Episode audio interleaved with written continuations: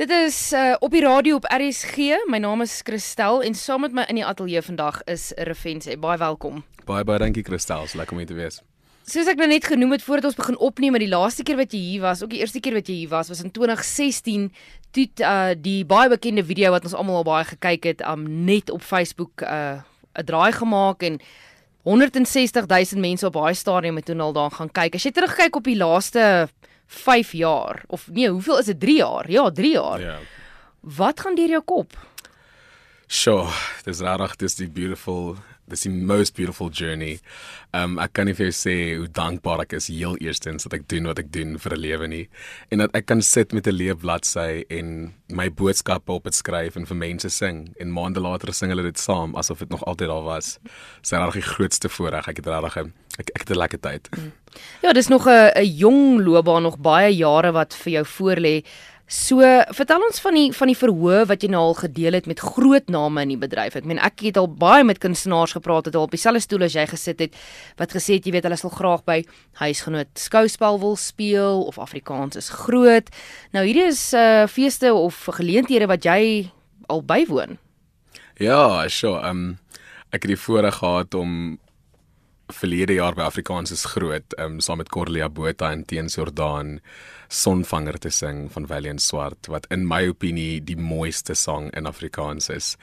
En nog cool oomblikke, ek kan onthou ek het so 2 jaar terug was ek by die In Afrikaans konsert in Hartenbos en daar was so 9000 mense in die crowd en ek het toe vind ek jou saam met Karen Zoid gesing wat ek nogal 'n amazing oomblik was om te hoor hoe daai skare saam sing en om almal te sien in alles in Afrikaans en alles so in sy diversiteit was baie cool. Ek kry ek kry hoendervleis toe jy gesê het nou jy het um toe vind ek jou saam met Karen Zoid gesing. Ek meen is ek onthou toe daai liedjie bekend gestel is uh en dit was seker een van die een van die plaaslike video's op YouTube wat die meeste aandag getrek het op daardie stadium. Inderwaarheid. Karen Zoid uh vir volgende jaar 20 jaar in die bedryf om daai liedjie saam met haar te gesing. Het nie net daai liedjie nie maar om saam met haar 'n verhoog te deel.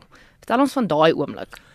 Sjoe, ek kan nie vir jou sê nie. Um, ek moet eers vir jou 'n backstory gee. Ek het vir die KAKNK eh, Hoeka in 2016 opgetree. Ek dink nee, dit was actually 2015. Ek was nog op skool gewees en ek het in die straat gebask en Karen Zoid het verbygeloop en vir my 'n 10 rand noot in my gitaarkeis gegooi. Ek sê, "Wat?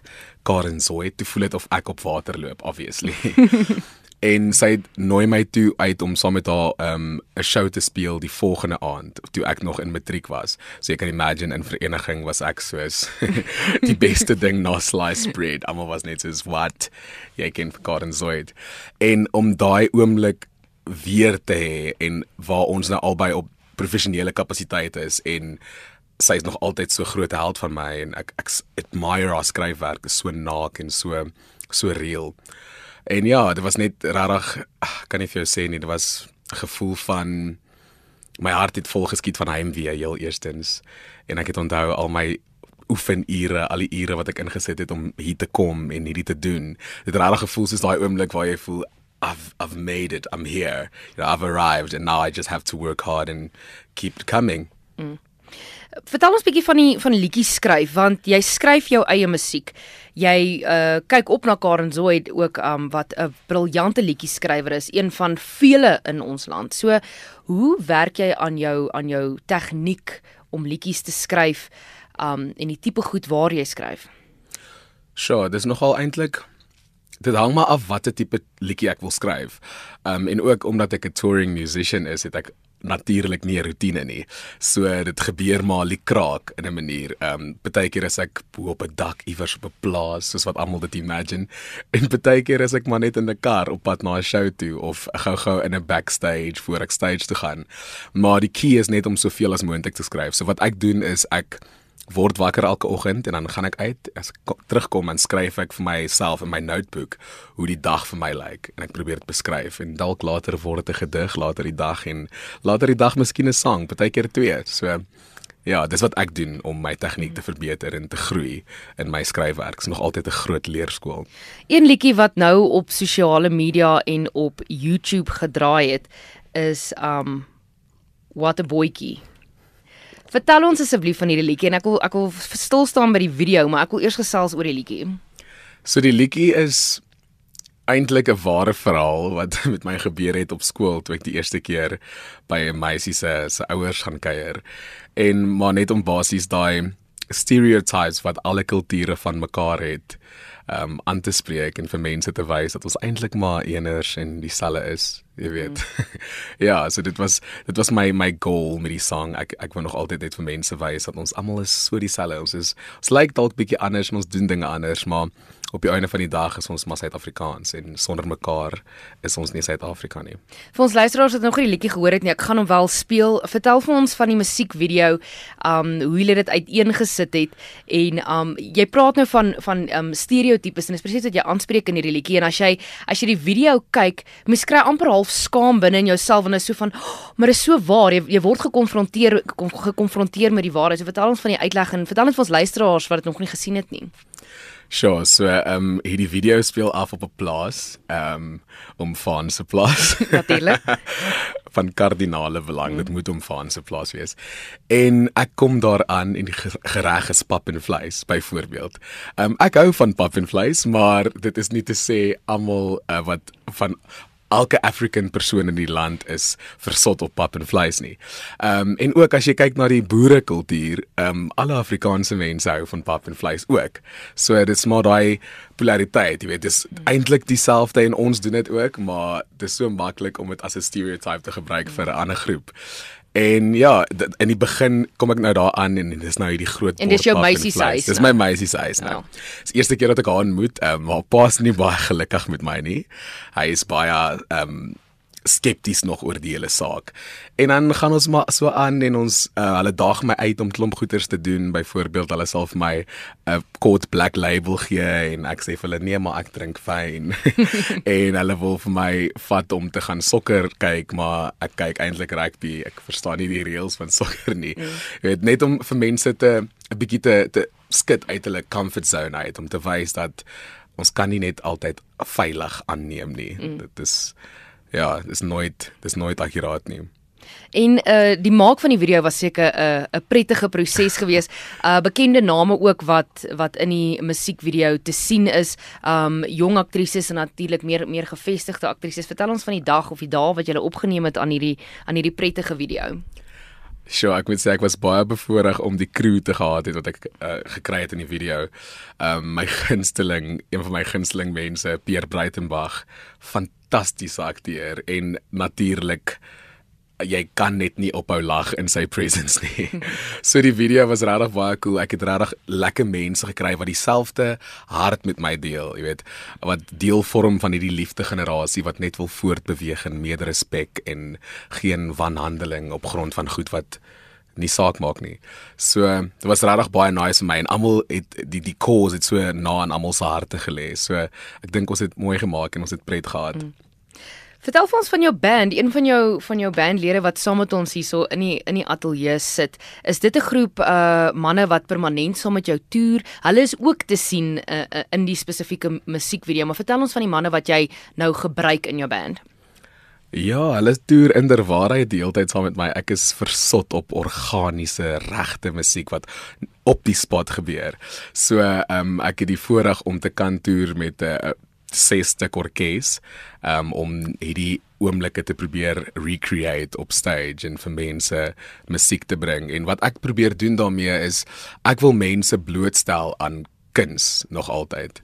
Ek wil baie graag hê ek het in 'n kultuur groot geword waar jy na 'n kerk toe gaan in 'n shack en daar's 100 mense wat in stemme sing en daar's nie 'n dirigent nie, niemand is 'n music director of sê vir iemand wat dit doen nie. Ons weet net want ons is so blootgestel aan musiek al van kleins af culturally. So as ek vir alle jong future Afrikaners ehm um, kuns kan wys op 'n stage is dit nogal 'n worthy cause vir my want ek dink dis al hoe mens gaan verbeter in die kultuur mm. se musikaliteit ehm um, hou jy weet ek dink ons het so mooi so mooi uh, musical heritage as Afrikaanse mense mm. so ek wil dit hou en ek wil dit real hou en ek wil dit live hou dis 'n jy die woord gebruik bevoorreg en dit is iets unieks om voltyds met 'n 6 stuk groep te toer want almal moet eet. Almal moet in 'n kar klim. Almal moet slaap. Iewers slaap. Almal moet vlieg. Almal moet vlieg as jy nou ver gaan. So, um dit is jy jy, jy sê dit reg, um, dit is bevoorreg. So hoe lank eh, is die sewe van julle nou al saam?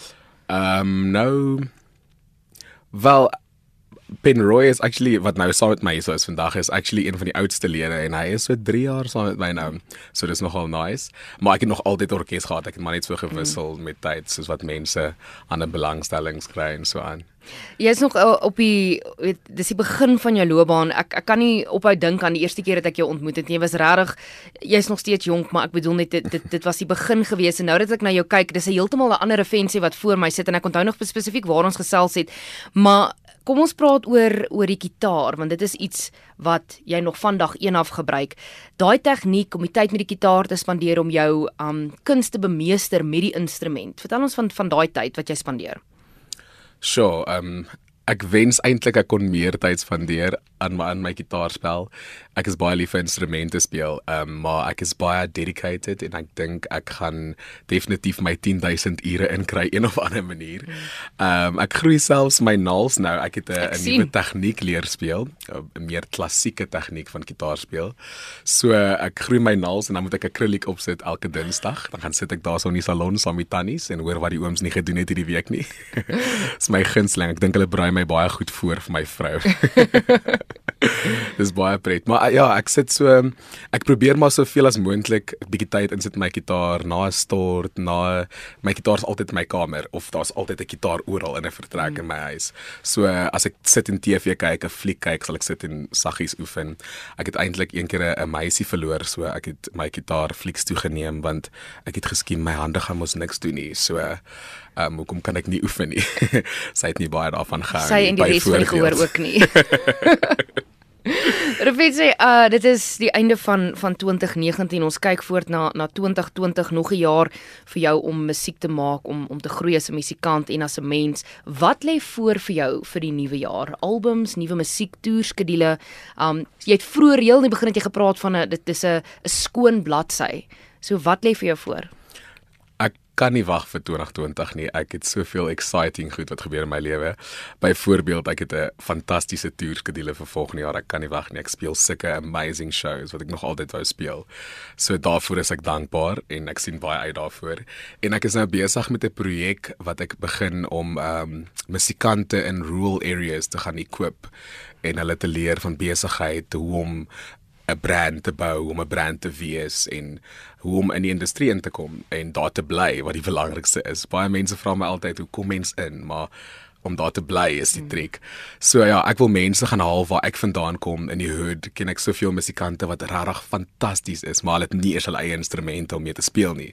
So dis my hart om hulle te equip, dansers, akteurs, almal wat te doen het met kunste en nie die means het om dit verder te bring nie. Wil ek help. So dis een van my awesome projekte wat ek vooruit sien. Ek kan nie wag nie. Die projek se naam is Tlotura Matsetse wat beteken skit af jou lyse. Funny. ek het my mm. my oupa het altyd met my gesê as ek skool toe gaan elke oggend um, het jy jou lyse afgeskit. Toe dink ek ag hy is mos nou simpel om dit vir my te vra.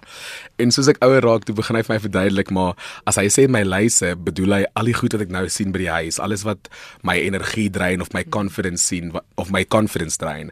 As ek sien byvoorbeeld daai kind se ouers ry 'n BMW en ek stap maar skool toe, jy weet, net om vir my te wys daai goed wat hy hulle het wat my wat my huidige omstandighede was bepaal nie my toekoms nie mm. en dis nie wat en wie ek is nie.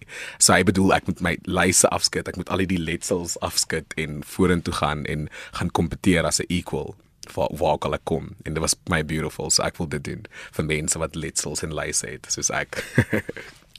Ons raak diep hierso saam met Refen sê op RSG waar kan ons luisteraars jou volg hierdie projek spesifiek volg maar ook jou optredes jou fantastiese toerskedule waarvan jy gepraat het en ook musiek. Dis die belangrikste musiek want dit is jou passie. Music all the way. Dankie vir die musiek. Waar kan hulle jou volg? Ek is ja Ek is op Instagram onder um, Refense Music dan is ek by Facebook onder Refense R E F E N T S E en dan op Twitter is ek by Refense Kunste 1